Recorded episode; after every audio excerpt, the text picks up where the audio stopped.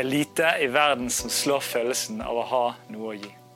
Det kan være en god dag på jobben der en fikk gjort mye, eller en helg der en virkelig føler en har gjort en forskjell i nabolag eller menighet.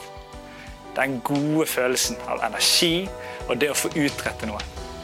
I arbeidsliv eller i fritid. Samtidig ser vi at dette kan føre til at en strekker strikken litt for langt. Og Selv om vi virkelig brenner for noe og har masse å gi, så har vi alle grenser vi ikke må krysse, og som det blir konsekvenser av om vi krysser dem. Det kan handle om et altfor høyt tempo over tid, eller en rolle der forventningene og kravene blir for store til å bære. Det er ingen fasit, og det kan se så forskjellig ut. Men så smeller det. Energien forsvinner, kreftene er der ikke. Du har møtt den berømte veggen. Strikken ryker. Dette er vondt å se skje med mennesker. De kan ha vært fulle av glede, pågangsmot, og så er det hele vekke på så altfor kort tid. Tiden vi lever i, gjør ikke akkurat ting bedre i møte med denne utfordringen. Konstante inntrykk og informasjon gjør at mange av oss går på høygir uten å vite det. Alle skjermene som vi så fort går til når vi er slitne, gir oss ikke alltid noe kvalitetshvile og innhenting. Kanskje tvert imot. Å møte veggen kan skje med oss alle, og det er kanskje lettere enn noen gang. Hva er det som gjør at vi møter veggen? Hva gjør en slik opplevelse med oss som mennesker? Og hvordan unngå at det skjer eller skjer igjen? Bli med oss når vi tar denne viktige samtalen.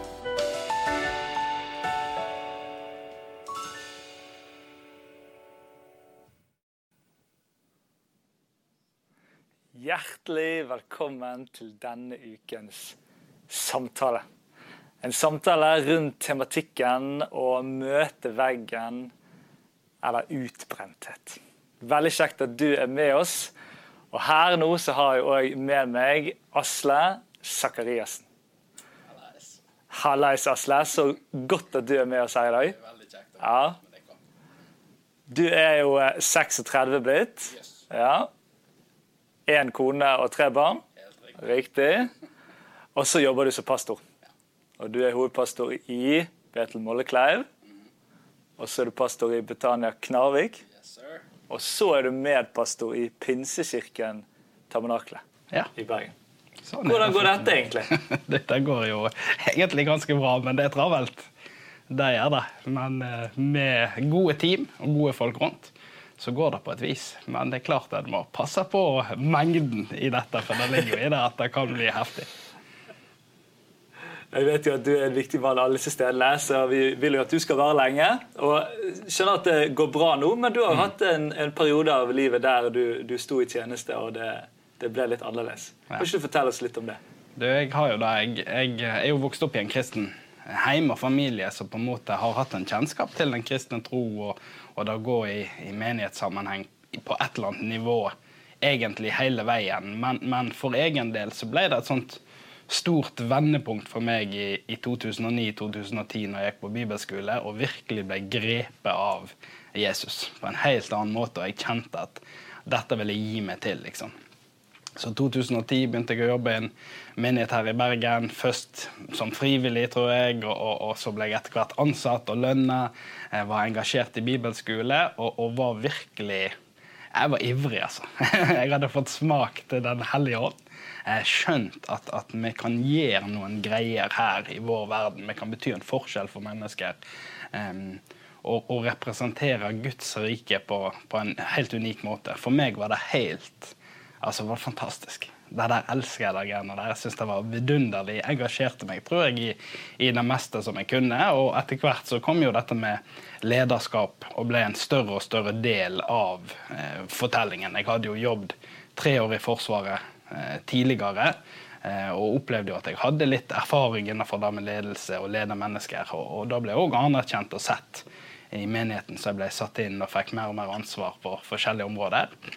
Eh, og så var nok det litt sånn for min egen del at, at det finnes en sånn idealist inni meg som, som, virkelig tenker de her Wow, hvor heftig kan dette bli, liksom. Eh, og jeg tror nok at i begynnelsen av 20-årene der Jeg var jo sånn på dette tidspunktet var jeg vel i midten av 20-årene. sant? Eh, tenkte nok at hele Bergen skal bli frelst. Ja. Altså, Så enkelt er det med den saken. Eh, og, og, vi skal kjøre full gass og fylle opp eh, menighetene på dette. Og, og, jeg tror at den idealismen gjorde at jeg levde litt på kreditt i forhold til eget energinivå. og, og når, når, det liksom var tøft, så hadde jeg jo en sånn her saying eller tanke om at enten går dette bra, eller så går det over. Så det er liksom bare å kjøre på. Enten går det bra, eller så går det over, og da er det bare å resette, begynne på nytt. Kom an. Let's do this thing. Eh, og, kanskje var vi litt sånn miljø òg at vi framelsker den gutsen. da eh, på mange måter. Så det var alltid et bønnemøte å gå på, det var alltid en evangeliseringskampanje. alltid et eller annet greier. Og så skjer det noe som, som på en måte Jeg har jo lært dette her, og, og ser jo nå som pastor at, at, dette her med mange mennesker sammen i, om samme sak, er jo ikke alltid det går superbra. Da.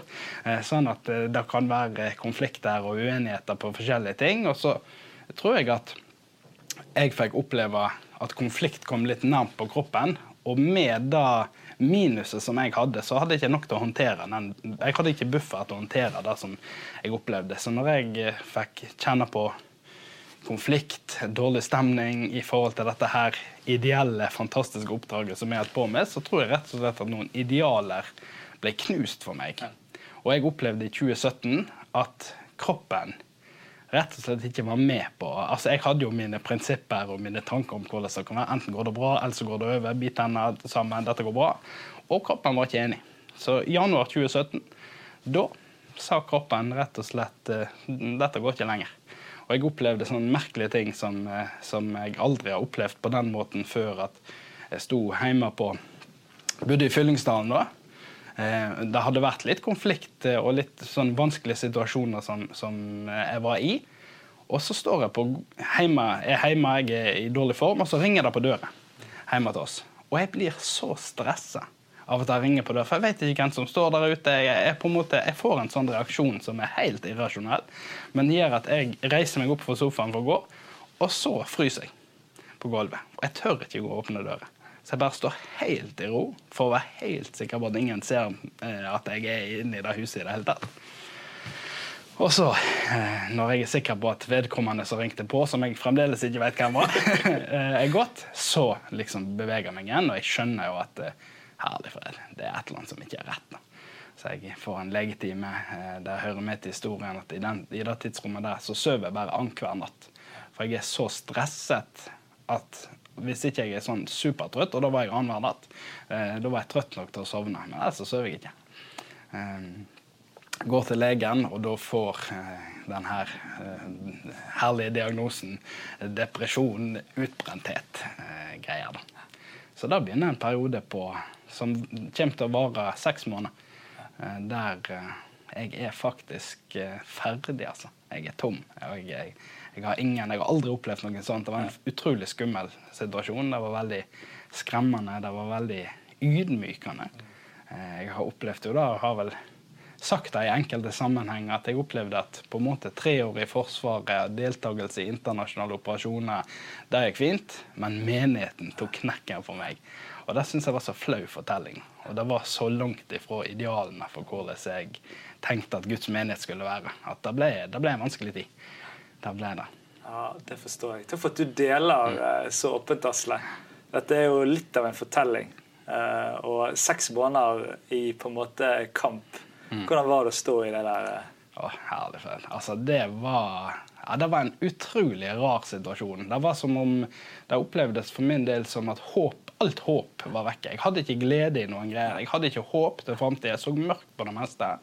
Da var jeg, når dette skjedde, så var jeg jo vært gift i ca. seks år. Fem og et halvt år. Hadde vært gift, Vi hadde fått to barn. Eh, og jeg husker at noe av det som jeg ser tilbake til Og min kone var jo en helt i denne perioden. det må jeg virkelig si. Hun bar oss. Da klarte ikke jeg å bære oss. Hun bar oss i den tida der. Og jeg sleit med sånne utrolig teite ting som å pusse tennene på barna. Det var for mye stress for meg. For de vil jo ikke pusse tennene. sant? De, de, nei, de opponerer mot det der. Og da stresset når liksom skulle lede de til å pusse tennene, eller liksom det der, det var for mye for meg i den tida. Så det var som om jeg opplevde å ha en, en, I hele livet har jeg opplevd å ha en sånn knapp. Du vet, du har ikke lyst til å gjøre det, de greiene dørstokk. Altså, du skjønner den tematikken, men du har den bryteren som sier 'Dette gjør jeg. Ferdig arbeid. Jeg har bestemt meg for det. Jeg gjør det.' Og den var vekke. Og jeg kan ikke forklare på en annen måte at, at liksom, For jeg skjønner jo nå kan jeg bare bestemme meg, men jeg klarte ikke det. Jeg hadde ikke den kapasiteten til å bare Ja, men nå står jeg i det.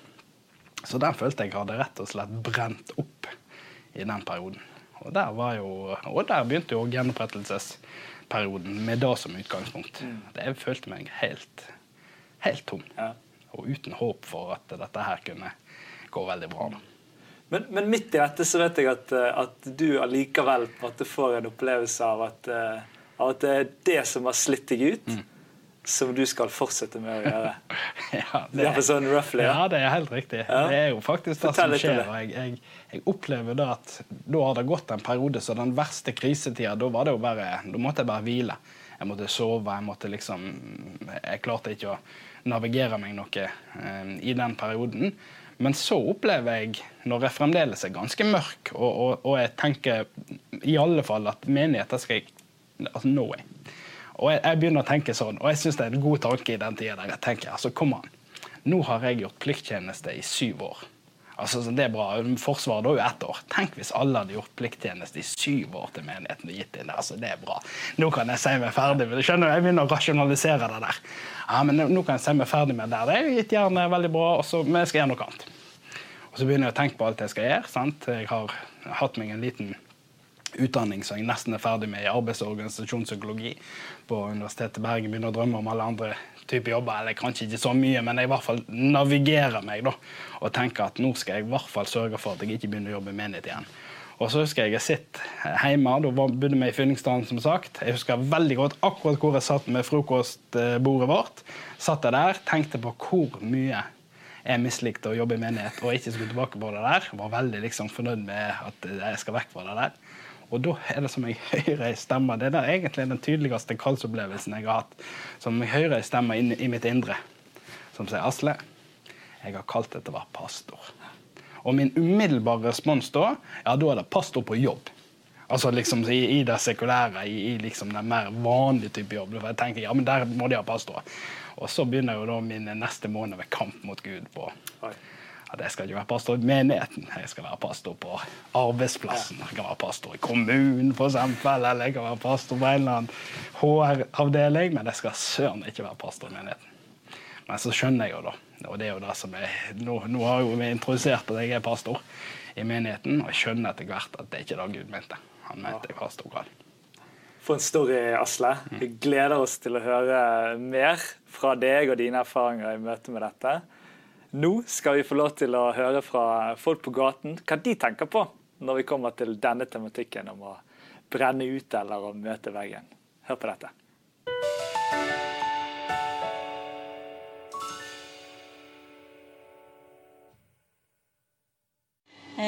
Da ser jeg det vel i grunnen i jobbsammenheng. Det gjør jeg. Så det, det har vi vært borti en gang, så vi da jobber man og jobber man og jobber man, og så møter man veggen. Ja. Så, men da er det alltid, iallfall her som jeg har vært, folk som kan hjelpe. Nei, det er vel hvis man blir sliten, utbrent, lei. Jeg har møtt veggen sjøl. Eh, når du, du holder på i et voldsomt tempo til du plutselig ikke klarer mer det er å møte veggen, f.eks. Hvis du jobber for mye, eller hvis du hele tiden sier ja og uten å tenke på deg sjøl og bare strekker deg og strekker deg og strekker deg, det kan være å møte veggen. Hmm. Møte veggen, det eh, Når man finner ut at uh,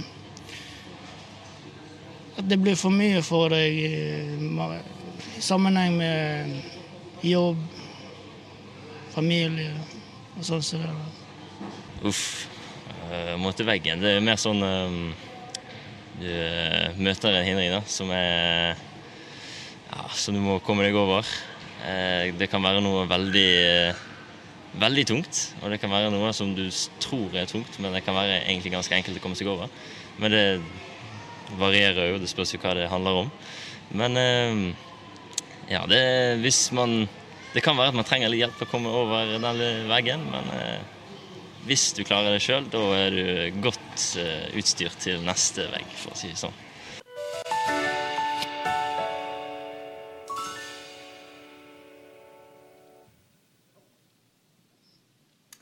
Spennende å høre hva folk tenker. Nå har vi fått med oss eh, flere inn her til samtalen. Ranveig Møller, velkommen. Veldig kjekt. Og Linn, som er en del av det faste teamet her.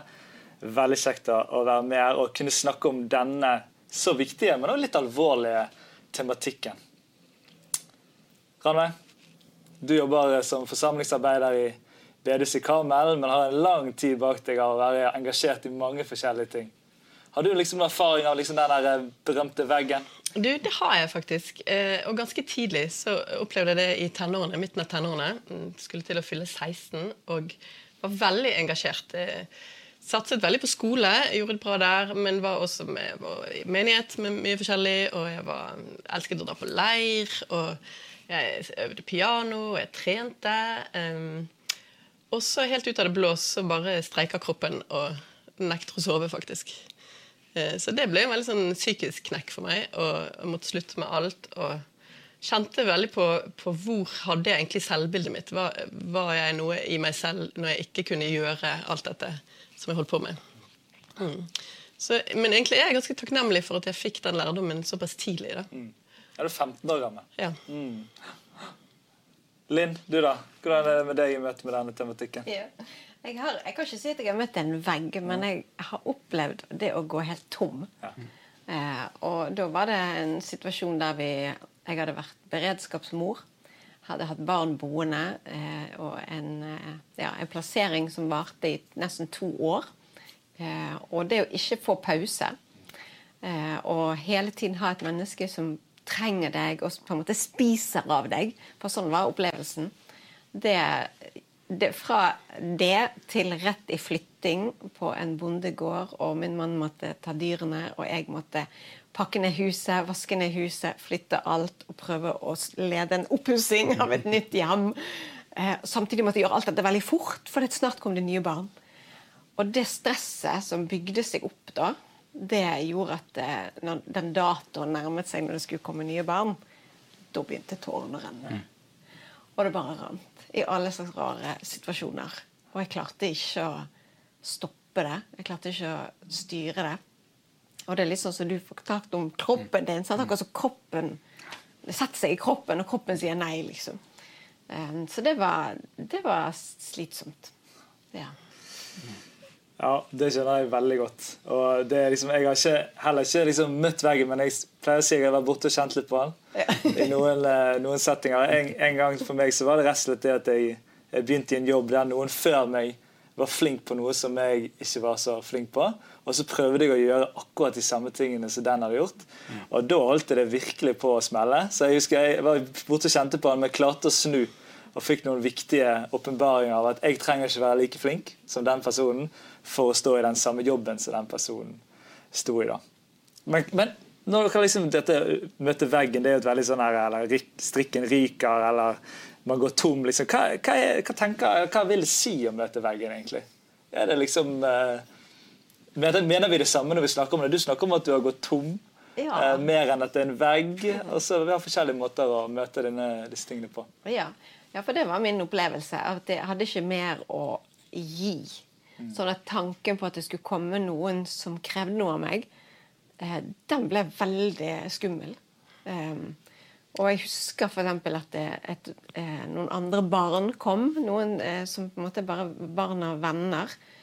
Og så ble, begynte jeg å bli litt sånn redd barnet.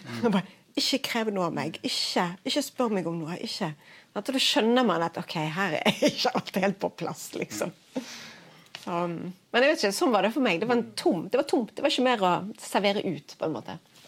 Ja, det er klart at jeg, jeg opponerer jo på en måte mot utbrent begrepet litt, fordi at det høres ut som at hvis du er utbrent, så er, så er liksom alt ødelagt. da.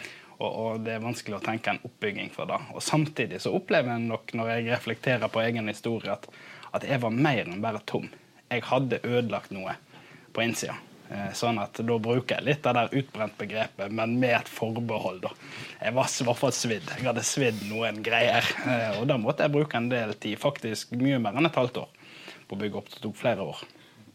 Jeg, jeg gikk med Jeg halte en lengre periode, og da tenker jeg at når jeg reflekterer og ser tilbake på det Jeg hadde flere år der jeg tenkte at jeg kommer aldri til å ha den kapasiteten jeg hadde før, igjen. Jeg, jeg, at jeg halter på en eller annen måte. Så har jeg jo fått opplevd nå etter hvert at ja, men det var litt kapasitet igjen å hente. Men, men jeg tenker at, å reflektere at, at noe av grunnen til det var fordi jeg kjørte så hardt at jeg ødela noe som måtte bygges opp igjen. Så da. Jeg tenker jo at det er to måter å være utrent på. At, um, at Enten så kan det være det at du har slitt deg helt ut og har brent lys i begge ender, og du har ikke mer brensel. da. Eh, eller så tenker jeg at det kan eh, være det at du bare eh, har mistet meningen og gnisten, og det selve flammen som har sluknet. At du kan kanskje klare å, å, å gjøre det du gjør, men at du kjenner på en sånn tomhet allikevel. Eh, Og kanskje handler det om ensomhet eh, eller noen ekstra utfordringer, men eh, ja, at det er liksom to typer der, da. Ja, det tror jeg er en veldig god beskrivelse. Og kanskje kan vi kjenne oss igjen av litt av forskjellige i forhold til de egne erfaringene vi sjøl har. Men hvorfor møter folk veggen, da? Eller hvorfor møter vi veggen? Hva er liksom, De ser jo så forskjellige ut. sant? Bare våre fortellinger kan se veldig forskjellige ut. Men fins det noen liksom, ting som går igjen, eller som man merker at liksom, dette her er typiske grunner eller årsaker som gjør at eh, vi ender opp med å, å, å brenne ut? Jeg tror kanskje at eh, For meg så var det i den perioden med flytting og alt dette her, så husker jeg at jeg sa til min mann nå må vi bare ikke stoppe. Nå må vi bare jobbe Ja. til vi blir ferdig. Det var en sånn der Og det har jeg sett tilbake på etterpå og tenkt at det var så feil. Det var så feil. Vi måtte stoppe. Vi hadde hatt godt av å pause. Um, men vi jobbet sånne 16-18 timers dager begge to for å liksom bli ferdig. Så jeg tror jo at det er noe av grunnen eh, til at man kan bli utbrent eller gå tom. Eh, at man ikke pauser. Da. At vi trenger faktisk Vi trenger å hvile. ja.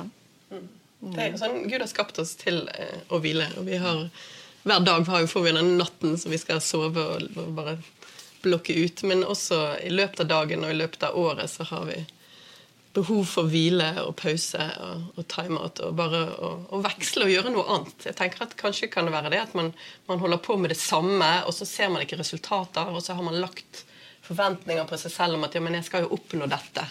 Og så presser man seg for hardt, da. Um, og så møter man veggen. Mm. For Noen ganger er det kjipt å, å kjenne at man er menneske og ha grenser. Man tenker kanskje vi bare durer på liksom. Og Den tiden vi lever i nå, er jo nesten litt sånn at vi prøver å viske ut de grensene. sant? Kan man sove mindre, og gjøre mer? Man kan alltid være på sant? Gjennom en eller annen telefon eller et eller annet eh, eh, som gjør at ikke man går fra tingene. Så jeg tenker Det er jo fall noe med tiden vår. Det gjør jo at det er utrolig vanskelig å koble av på den måten. Å koble på. Synes Du sa noe fint her i sted, Ranveig, før vi begynte, at, eh, at eh, før jobbet jo folk og ble sliten av å jobbe fordi at de hadde fysisk arbeid. Sant? Så hvis man durte på, så ville kroppen naturlig si fra. Mens eh, nå er det jo litt sånn Hvordan skal kroppen si fra, da? Hvis de egentlig bare sitter og trykker på et tastatur. Og da kan det være det blir en sånn type smell som du, da, der du får en, en slags psykisk reaksjon til slutt. Folk har for mye av det. Jeg, jeg opplever det litt som at, at vi, vi, og kanskje har det litt med tida vi lever i òg, at det er litt lett å leve på kreditt. på en måte. Det, det er sånn jeg tenker litt om det. og ref. Det er som Randveig snakker om med, med hvile og rytmene for hvile. at vi, vi liksom, Jeg tror egentlig de fleste av oss vil oppleve at vi har perioder der, der faktisk livet krever av oss at vi lever litt mer enn vi kan. Men det som jeg er redd for og har opplevd og prøver å være veldig bevisst på eget liv, det er at når de tidene er For av og til blir ungene syke. Du skulle ha en fridag, og ungene er syke. Og så blir den ene syk etter den andre, og så skjer de tingene som du har forplikta deg for for ett år tilbake. Du kan ikke bare kansellere og kjøre ut av det, men da lever du på kreditt. Og da må du sørge for at du har den tida til å betale tilbake igjen. eh, Og ikke hele tida overskride dine egne grenser. For da tror jeg vi får en del problem. Og jeg tror at dette med livsvisdom Jeg husker statistikk fra eh, studiet av arbeids- og organisasjonspsykologi at det er de unge som brenner seg ut, mer enn de eldre. Og det virker som at det er en sånn livsvisdom i det å håndtere og lære seg sjøl kanskje å kjenne, som for de aller fleste yrkesgrupper. Litt deprimerende som var lærer et unntak i den tida i statistikken. Min kone er lærer. Eh, fordi at man lærer å håndtere da, ting på en annen måte. Så jeg tror at òg generasjonene sammen virkelig kan lære hverandre noe. Vi som er, vi ikke er under 40 nå, har en del å lære av de som har gått lenger. Vi lever jo også i en tid der eh, jobben eh, ofte er hobbyen, eller man har gjort hobbyen sin til, og det man brenner for, til jobben sin. Og så, blir det på en måte ikke noe skille mellom, mellom 9 til 4 og, og fritid. Men så, men så, jobber man på hele tiden. Og også nå, i, når man har mulighet til å jobbe hjemme, man tar med seg PC-en hjem, så er det alltid noe som ligger der. Og, og man kan liksom få e-mailen inn på klokken. Og, og, det er på en måte alltid noe som, som kan gjøres. da. Man blir liksom aldri ferdig. Nei, det blir aldri ferdig. Og så er det det Når vi som kristne lever i dette, så kommer jo alt dette med kall. sant? Du har jo en utrolig spennende kallshistorie av at på en måte det skjer når, det, når du er på ditt laveste. Samtidig så kan jo kallet føre oss ut i den der, ja, men Gud har jo sagt at jeg skal gjøre, og jeg vil stå på for han, sant? og du beskriver et miljø der det var et sånn mantra. sant? Mm. Og det er en positiv energi, egentlig. Men så har den denne sånn slagsiden sant? av at vi da ikke hører signalene av at nå må vi roe ned, eller at vi kanskje, kanskje ender opp med å pushe hverandre. da. Og Det er jo kanskje en litt sånn av det å være kristen og menighet sammen, f.eks. tenker jeg, Der er det et eller annet med det der at jeg kan jo ikke forvente at Ranveig har eh, det samme tanken om hva vi skal gjøre som meg, eller egenskapene er så forskjellige at vi må finne Jeg har jo av og til løpt litt etter deg. Du er helt rå på sånn der uh, gjennomføre ting. Og da tenker jeg alltid sånn Det er bra Ranveig for hun kan løpe. Uh, og så må jeg bare løpe litt etter, for jeg er ikke så sterk på det.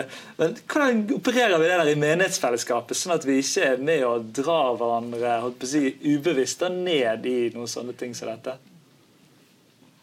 Jeg tenker litt at um det er, jo, det er jo noe som er gale. Ja. Hvis, eh, hvis, hvis, realiteten er sånn at det å tjene Gud i en menighet er å balansere helt nærmt kanten for mm. å bli utbrent. For det, da går vi jo på en eller annen feil vei. Sånn, da har jo vi mistet noe av eh, Jeg vet ikke den det, som Jesus gjorde. Sant? Han gikk avsides og var med sin far, og så var han med masse folk, og så gikk han avside, og så var han med nære folk, så gikk han avside. Så hadde han en sånn slags rytme mm. eh, med å være med de nærmeste som kanskje gir en noe, eh, og være alene med Herren. Eh, og så samtidig et sted der eh, han måtte gi og gi og gi. Eh, og hvis vi bare er der og gir og gir og gir og gir, da tror jeg vi går tom. Selv om arbeidet vi gjør, er veldig godt. Så det er noe med det, tror jeg, da. At vi må eh, ja, kanskje se litt mer på Herren. Ja. ja det, er jo et bra ord for kristen tjeneste generelt sett. Ja. Og, og, kanskje det at vi òg faktisk modellerer det.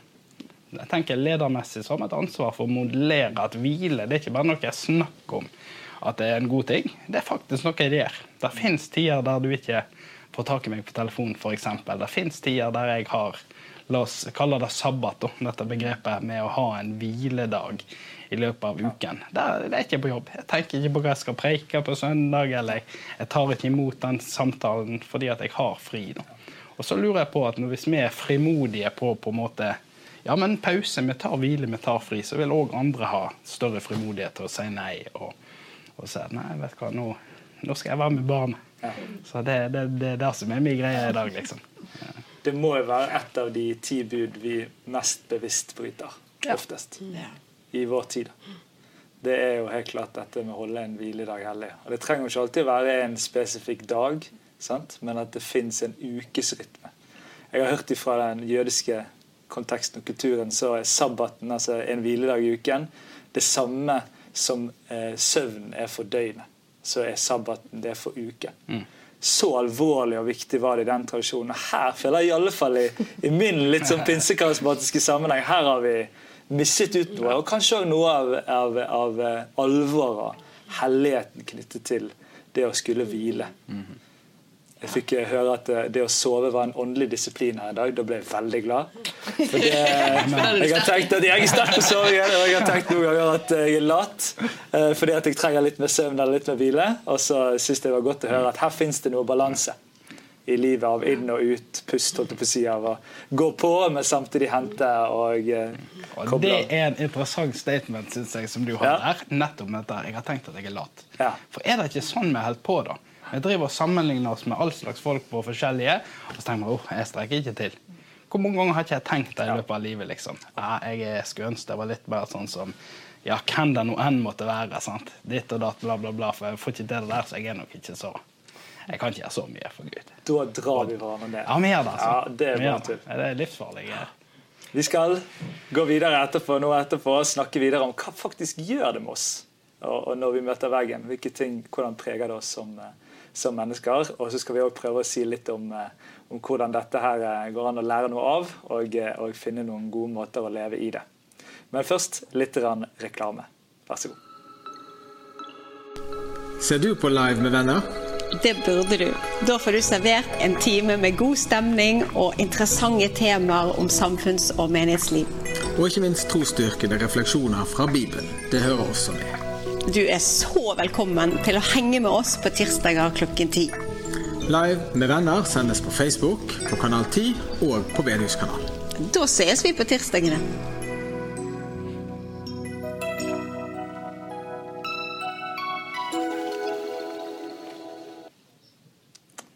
Velkommen tilbake. Så utrolig spennende å høre de forskjellige refleksjonene. Nå er jo vi på ingen måte et eh, liksom ekspertpanel, men her er det levd liv altså, og refleksjoner sammen. og Det tenker jeg liksom er den gode samtalens gode, gode vei. da. Det er veldig spennende. Når man ligger der, og det er litt mørkt, man har gått helt tom, hvordan er det å være menneske? da? Hvordan er det å være seg sjøl? Hvordan preger det oss? Kan vi, kan vi sette noen ord på disse tingene? Jeg tror i hvert fall at for min del så opplevdes da å bli slått ut på den måten at jeg møtte min egen menneskelighet veldig sterkt i døra. Ehm, og, og jeg tror jeg møtte en del ting der som jeg ikke var så fornøyd med å møte. Uh, av måten jeg så på meg sjøl. Uh, og kanskje har jeg til og med vært For jeg hadde jo jobbet syv år i menighet. Jeg har nok prekt en del i løpet av de syv årene. Jeg har nok prekt om identitet i Kristus Jesus. Og, og sånn at jeg har kjørt på med det der. Og så møter jeg kanskje at eh, å, det er ikke der du har identiteten din, i hvert fall. Og det er nesten som en sånn, det ble et sånt utrolig ærlig møte med livet. Eh, som var veldig ubehagelig.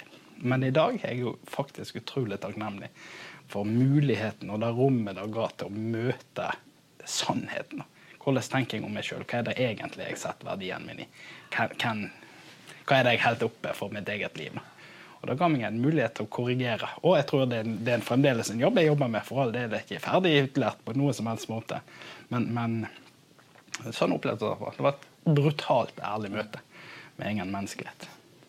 Jeg har litt den samme erfaringen av det eh, med å, å se hvor har jeg mitt selvbilde. Er det, jeg hadde det veldig mye i alt jeg fikk til, alt jeg gjorde, at jeg var en leder. Eh, og så ble alt det der tatt fra deg, og til og med karakterene mine gikk dårlig på skolen. Så hvor hadde jeg da min identitet? Eh, var det sånn at, det, at jeg hadde en verdi uavhengig av noe som helst som jeg presterte?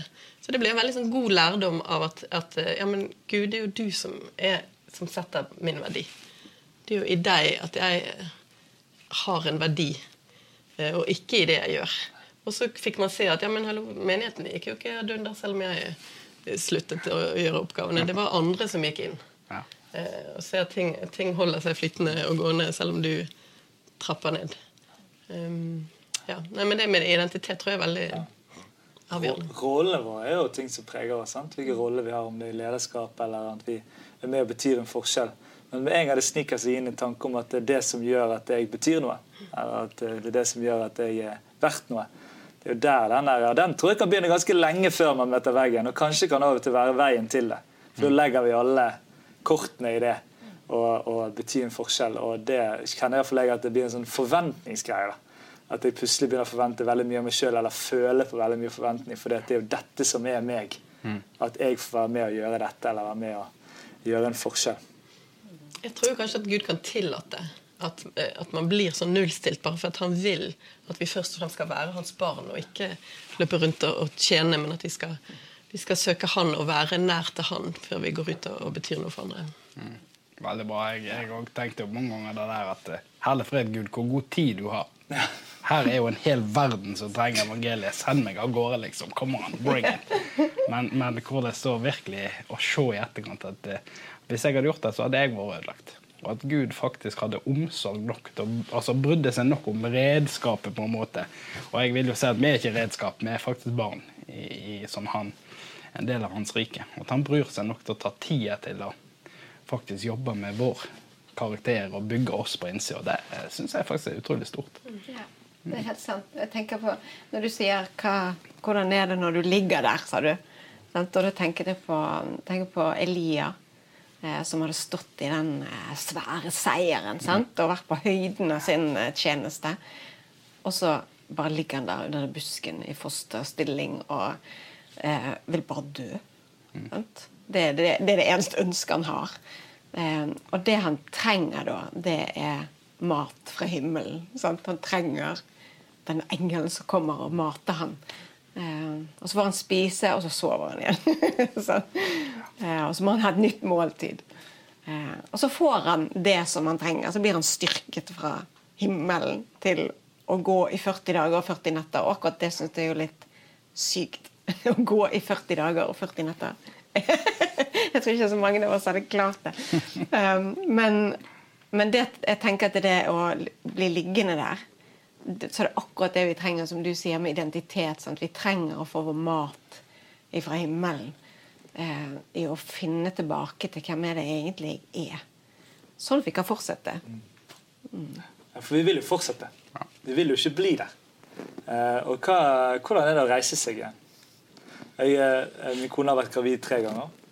Og da har jeg skjønt at, og det er et litt drøyt, drøy sammenligning, men jeg har skjønt at når hun er gravid, så er hun ni måneder gravid.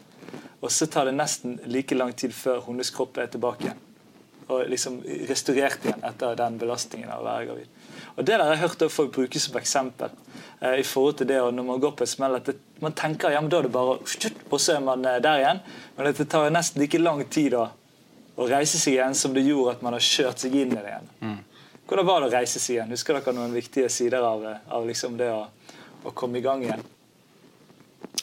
Jeg måtte i hvert fall lære meg å ikke si ja til alt som jeg hadde lyst til å si ja til. Å, lære å, Jeg gikk faktisk med en lapp i lommeboken om at må, når du får en, et spørsmål, husk å tenke deg om før du sier ja. For det er så lett for at ja, det vil jeg være med på. Jeg vil ikke gå glipp av det. og tenk så gøy. Og, men å, å, stille seg det spørsmålet er det virkelig jeg som skal gjøre dette. her? Kanskje Gud har noen andre som skal gjøre dette. Kanskje det er noen andre som skal få, få skinne, og jeg kan bare si nei. Og det er også å, å, å tenke at det ikke er noe ukristelig å si nei men at det er faktisk eh, mm. Eh, noe rett. Eh, og, og at, at, hvile er hellig. Det er noe vi må sette av, og vi må kjenne vår kapasitet. Eh, og ikke minst å gjøre det som du kjenner at du har gaver til, det som, som blir letta, der du ikke strever og, og stanger hodet mot veggen, men der det, der det flyter. Og der det bare Det er så deg å, å, gjøre dette her, du kjenner at du er i ditt ess for dette, for at du er skapt til det. Jeg tror det er så riktig, og jeg hadde akkurat samme erfaring som deg. At jeg måtte lære meg å si nei. Eh, og da sa jeg nei til de tingene som eh, Det mange ting jeg kunne gjøre, men som, eh, som Gud ikke hadde kalt meg spesifikt til å gjøre. Så begynte jeg å si nei til det, og så heller si ja til de tingene som jeg vet at her har jeg et oppdrag for han. Eh, og det var en utrolig viktig skille å sette for meg. Mm.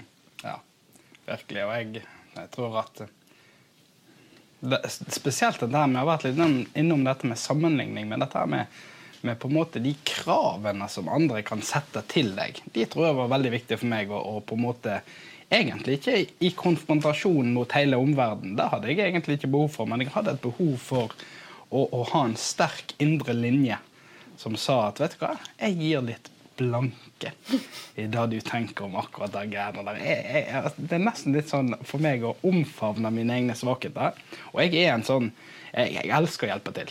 Det, det, er jo det, og det gjør jeg fremdeles. Jeg elsker å hjelpe til. Jeg elsker, altså Min store drøm er jo å sparke ned dør en gang og redde noen ut. Altså, det, er helt, det er helt rått med det der. Og, og, og der bærer jeg. Jeg tror det er en del av sånn som jeg er.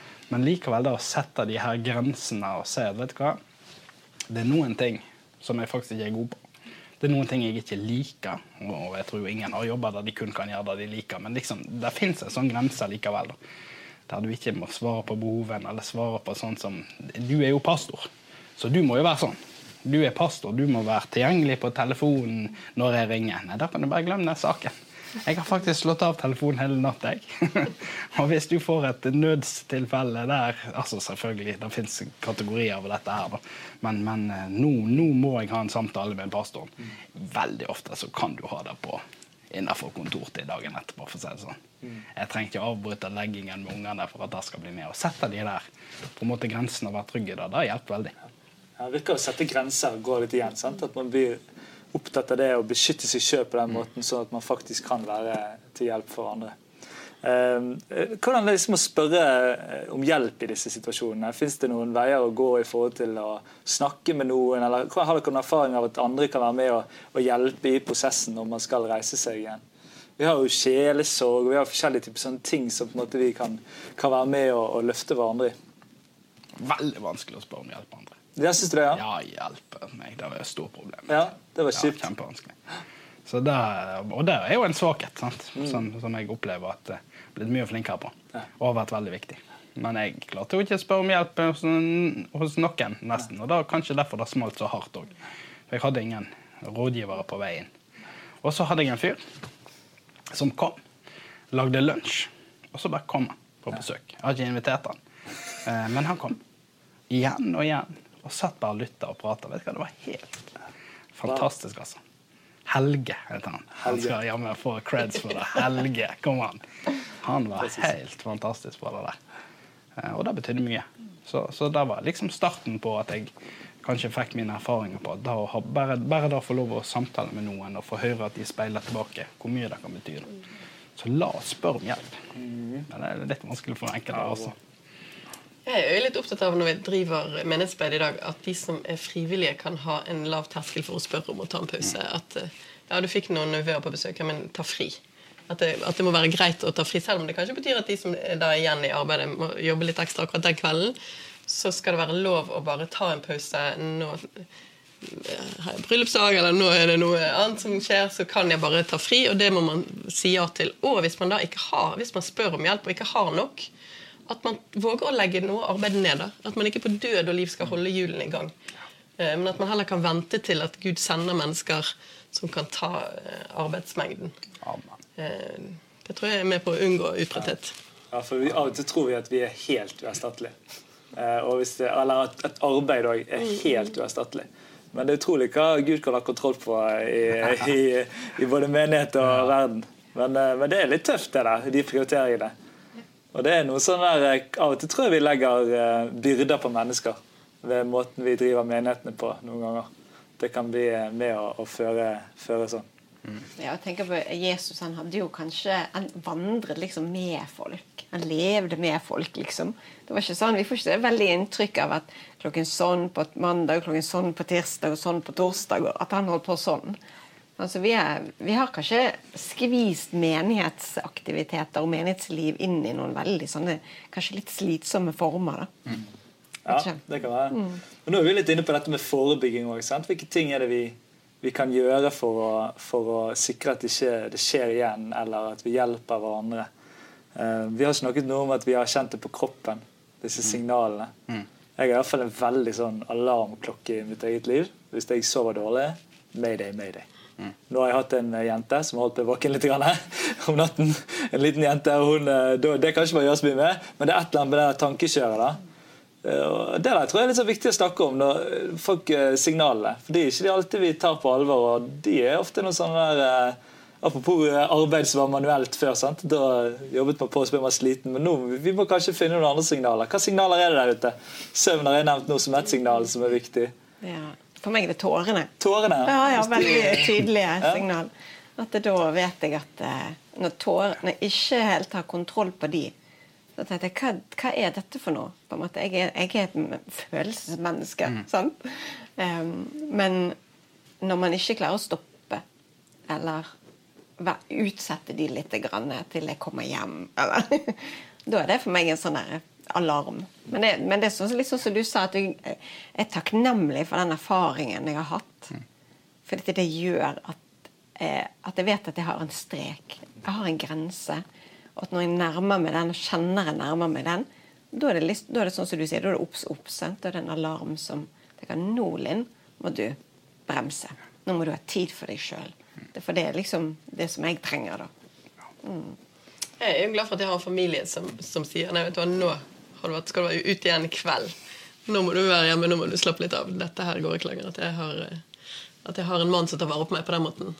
Og setter litt grenser for meg hvis det blir for mye. Men, men, jeg kjenner også veldig det på søvnen. Det er lenge siden nå, men, men det er at man på en måte, jeg tillater meg ikke å sovne. For det er så mye. Mm. Så blir man sånn at så ligger man våken. Og, skal, og hvis jeg ikke da, daglig kan legge tingene vekk, det som er jobben Det kan være kjekke ting også, det kan være noe jeg gleder meg til, men hvis jeg ikke klarer å, å legge det av meg, eh, så er det et sånt foresignal på at nå har jeg for mye på tallerkenen. Nå må jeg delegere vekk, kutte ut, ta en timeout. Ja.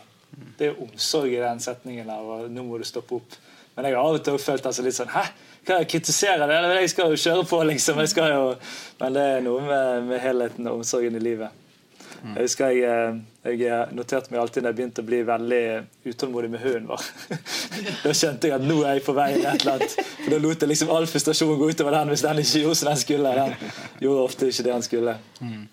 Dette med, apropos dette med konflikt, for en del av landskapet handler om spenninger, opplever jeg. og, og, og på en måte eh, der vi jobber, og jeg har merka at hvis jeg begynner å krangle inni i hodet, fører veldig mange sånne kranglesamtaler inn i hodet, med enkeltpersoner eller om saker, og, og liksom det der den kverna går, det er for meg en sånn varselsignal. Søvn er absolutt en sånn, men den her, at jeg alltid er i kamp inni meg, da skjønner jeg at oi, nå, nå er det på tide å legge ned et eller annet greier. Og tålmodigheten. sant? Hvor, hvor lett en blir irritert over ting. Om det, og helt irrelevante ting. Og av og til barna får jo, og, og det er jo synes jeg, et godt argument for virkelig å ta hvile på alvor. For mine barn får lide av min utålmodighet. Når det handler ikke om de. Det er ikke de som har vært for vanskelig eller noe. Det er egentlig at jeg går og krangler inn i hodet med et eller annet, og når de gjør noe, så er det med en gang. Og det er ikke deres feil. Oh, det, dette kjenner jeg vi kunne snakket uh, lenge om. Da vi begynner å nærme oss slutten. Jeg er utrolig takknemlig for at dere åpner opp livene, uh, og at vi kunne få lov til å ha denne samtalen om noe så viktig. Og, og uh, Dette tror jeg faktisk er sånne ting som, uh, som, vi må bli litt gode på å snakke med hverandre om. For når vi åpner opp, så lærer vi. Og så er det også litt lettere å spørre om hjelp mm. hvis det, vi vet at det faktisk er flere som, uh, som, kjenner på det samme. Nå skal dere få lov til å, å få en andakt der hjemme av Daniel Sebjørnsen. Det er bare å høre og lytte til denne kloke mannen. Vær så god.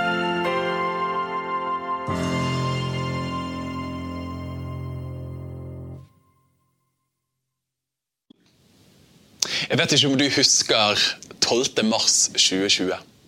Men den dagen der skulle vise seg å spille seg inn i det norske folkeminnet og historie på en måte som ingen av oss hadde forutsett.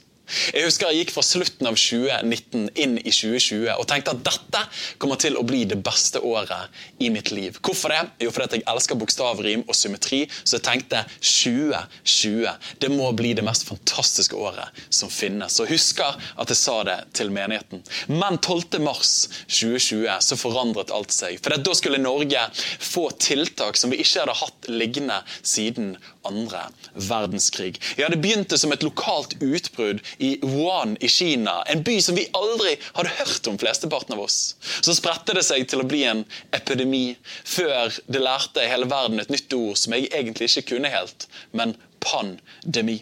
Dette var en global krise som var et faktum.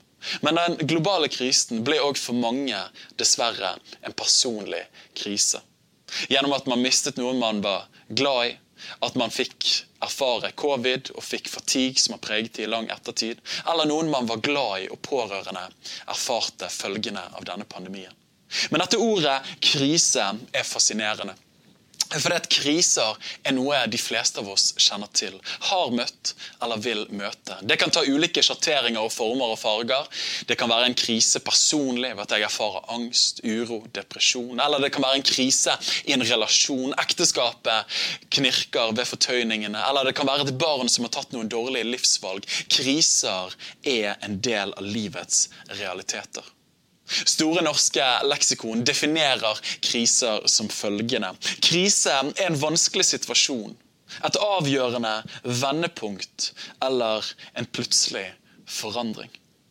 Ja, Begrepet ble brukt om akutt politisk vanskelighet eller sterk svingning i en persons likevekt. Og Det kommer fra gresk, og det betyr dom eller avgjørelse. Og Mange av oss kan jo erfare nettopp dette, at når da kriser kommer inn i livene våre, så erfares det som en dom. At det bare blir slengt på oss, og vi er nødt til å gjøre et valg, ta en avgjørelse. Men i møte med livets usminkede realiteter, i møte med krisene vi har erfart, kanskje vi står i akkurat nå, eller vil vil møte en gang. Hva skal vi gjøre? Noen fellestrekk tror jeg kriser har, uansett hvilken innpakning de kommer i. Jeg har skrevet om det og tenkt på det, at eh, kriser de kommer overraskende for oss alle. Hva mener du med det, Daniel? Jo, Kriser er ikke sånn at de annonserer at de kommer. De er ikke behagelige. De tvinger oss til å forholde oss til dem, presser oss til det ytterste, og de godtar ikke vårt nei eller vår reservasjon. Men det rammer oss alle, ubehagelig og uanmeldt. Og dette møter vi mange steder i bibelteksten. En av de historiene som står ut for meg, er andre kongebok, det sjette kapittelet. Historien der er om Elisha og hans tjener. Der Elisha har hjulpet israelskongen ved en rekke anledninger og fortalt hvor syrakongen har tenkt å angripe. Til slutt får han nyss om hvor Elisha er, så han sender hele hæren sin dit for å fange han. Om morgenen så leser vi det at tjeneren sto tidlig opp. Og Da leser vi at han da så denne hæren fra syrerne, og så sier han Å, min herre, hva skal vi gjøre? Og jeg synes Det er en vakker formulering, for det uttrykker egentlig essensen av det mange av oss erfarer i møte med kriser. Å Herre, å Gud, hva skal jeg gjøre? Og Da er det så vakkert å erfare at den erfarne, trygge gudsmann kommer ut rolig og sier til tjeneren Frykt ikke, for de som er med oss, er flere enn de som er med de. Og så ber han for tjeneren. Så står det at hans øyne ble åpnet, og han så at rundt Elisha var fjellet fullt av hester og vogner av ild. Denne historien her lærer oss det at i møte med livets kriser, når vi erfarer at vi er omringet, og erfaringen av hva kriser er for noe, er når ytre krav blir større enn erfaringen av indre ressurser til å møte det, da får man krise. Men da sier denne teksten her at øynene hans ble åpnet, og han så at fjellet rundt denne hæren, der var Guds hær, og den var enda større. Dette minner meg på noe de oldkirkelige fedrene pleide å si. Deus semper major. Gud er alltid større. Og det Jeg har lyst til å si til deg, jeg vet ikke hvilke krise du eventuelt måtte stå i, lever med etterdønningene av eller vil møte i morgen. Men én ting vet jeg, og det er at Gud er alltid større. Og Det betyr ikke nødvendigvis at krisene ikke blir smertefulle, eller til og med at krisene ikke kommer. Men det betyr at når vektskiven av krisen er på dette nivået, så finnes det en sannhet som veier enda tyngre, nemlig at Gud er større. Og Da har jeg lyst til å be til slutt og gi oppmuntringen. Hva gjør vi i møte med kriser? Jo, vi minner oss sjøl på at Gud er større. Men òg vi trenger å lære å be den bønnen som Elisha ber for sin tjener. Herre, jeg ber deg nå, åpne øynene hans, så han kan se. Åpne øynene våre, Gud, så vi kan se. Og når vi erfarer frykten, uroen og bekymringene og krisens realiteter, så er det pga. at vi ser fjell, men vi har ennå ikke fått øye på Han som flytter fjell. Jeg ber en enkel bønn. Far i himmel, jeg takker deg for at du elsker hver og en av oss. Og du er ikke en Gud som er uberørt av vår smerte og vår plage. Akkurat nå så ber jeg for oss alle at du ville du åpne våre hjerters øyne. Så vi kan se ikke bare fjellet, men vi kan se deg bak fjellet. At du alltid er større, og at du er den som flytter fjellet i vårt liv. Amen.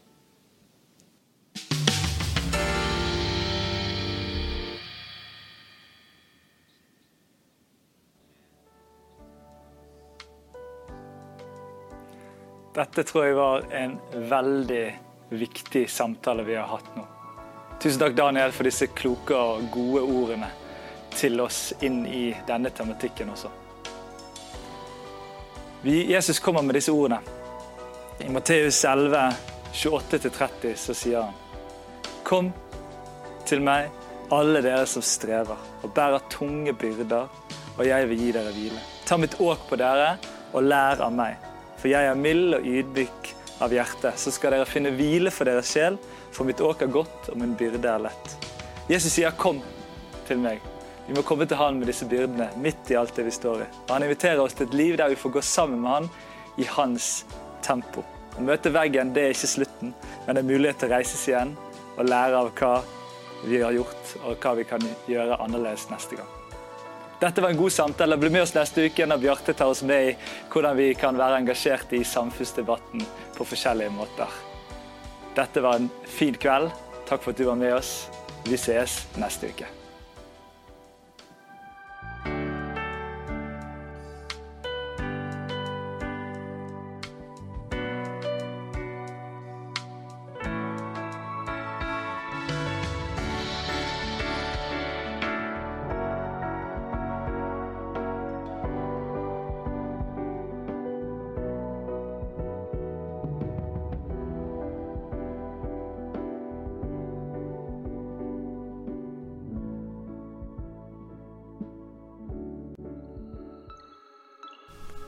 Hver uke gir vi ut et nyhetsbrev fra Kristen Media Norge. Det kan du få tilsendt på e-post helt gratis. Da kan du få vite hvem som er gjester før noen andre.